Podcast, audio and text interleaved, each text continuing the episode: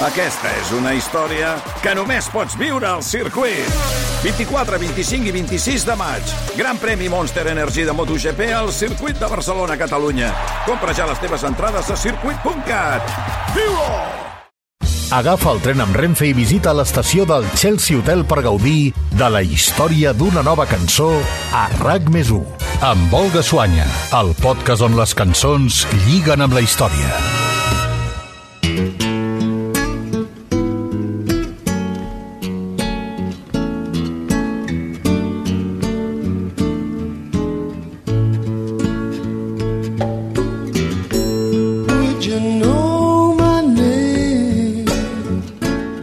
Així comença una de les cançons més commovedores d'Eric Clapton. Esquinçadora i plena de melanconia, Tears in Heaven és el resultat de l'intent del músic britànic per superar el pitjor moment de la seva vida. Un episodi que li va fer experimentar el dolor més profund i imaginable que un pare pot viure, però que va canalitzar a través de la música. must be strong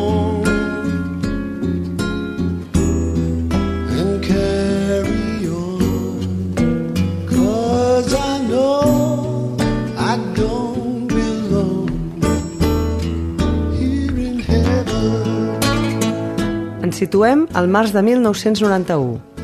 Després de tres dècades d'inestabilitat emocional i greus problemes amb les drogues i l'alcohol, Eric Clapton havia aconseguit encarrilar la seva vida. Feia quatre anys havia nascut el seu primer fill i el músic estava decidit a exercir el paper de pare amb aquella criatura, un nen anomenat Connor, fruit del seu matrimoni amb la model italiana Lori del Santo. La parella, tot i que feia un any que s'havia separat, mantenia una bona relació i per enfortir els lligams familiars van decidir passar uns dies plegats amb el nen a la ciutat de Nova York.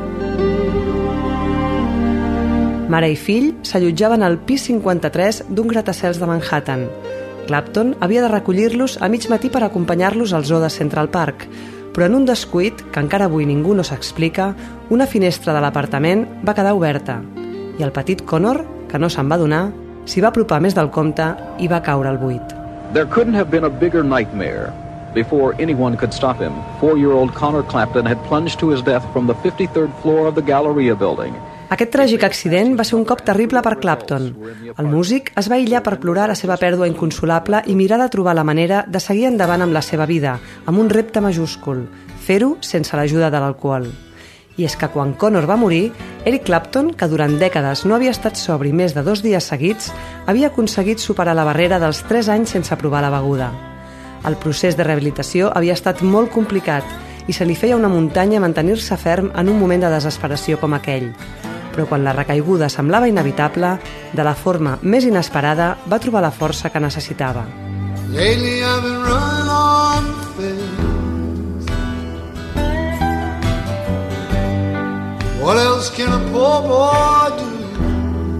Va ser mentre obria els missatges de condol. Entre els milers de cartes que va rebre, se'n va colar una que el va deixar glaçat. Era una carta que el seu fill li havia enviat unes setmanes abans des de Milà.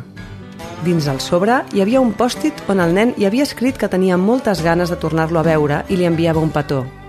L'efecte d'aquesta nota manuscrita pel petit Connor va ser definitiu i va ser llavors quan Eric Clapton va prendre consciència que si aconseguia superar aquell sodrac sense veure, seria capaç de trobar la força per afrontar qualsevol cosa sense haver de recórrer l'alcohol. And I realized that if I can go through this and stay sober, then anyone can. And I suddenly became aware of the fact that there was a way to turn this dreadful tragedy into something positive. That I would consider living my life from this point on to honor the memory of my son.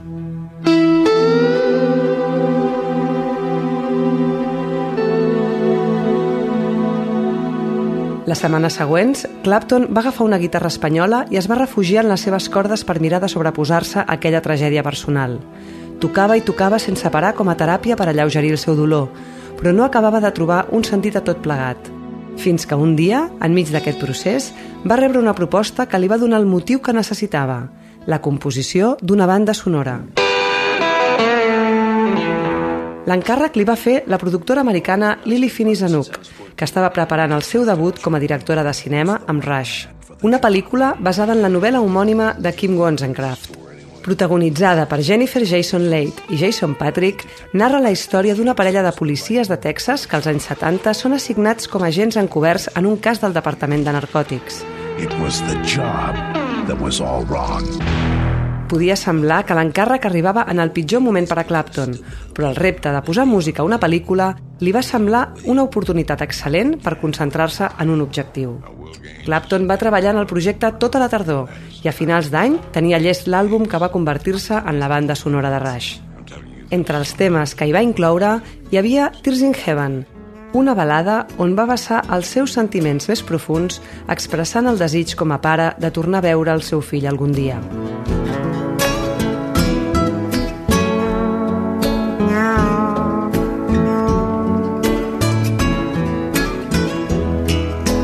Mig any després de l'estrena de la pel·lícula, Tears in Heaven es va llançar com a senzill i l'agost de 1992 Clapton el va enregistrar en directe pel disc Unplugged que va gravar per a la sèrie de concerts acústics organitzats per la cadena de televisió MTV.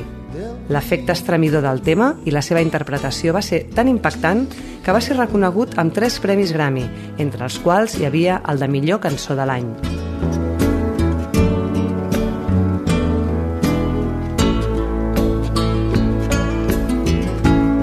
Han passat 30 anys des que aquella fatal tragèdia es va endur la vida del petit Connor, però el seu record segueix viu gràcies a Tears in Heaven. És la cançó que va ajudar Eric Clapton a superar el dolor més terrible que un pare pot imaginar i també la que el va ajudar a mantenir-se ferm en la seva determinació de no recaure en la beguda. A la seva autobiografia ho comparteix explicant que si ell no fos alcohòlic diria que la família és la gran prioritat de la seva vida, però reconeix que això és impossible, perquè sap que ho perdria tot si no col·loqués l'abstinència al capdamunt d'aquesta llista. I know I don't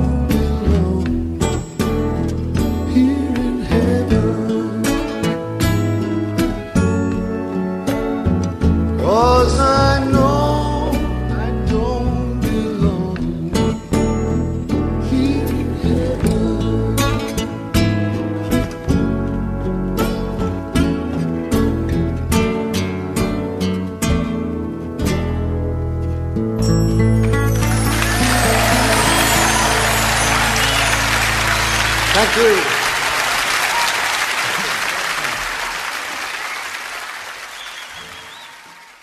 El tren de Renfe, amb parada a Chelsea Hotel, reprendrà el seu viatge i tornarà dissabte que ve amb noves cançons a RAC més 1, amb Olga Suanya, el podcast on les cançons lliguen amb la història.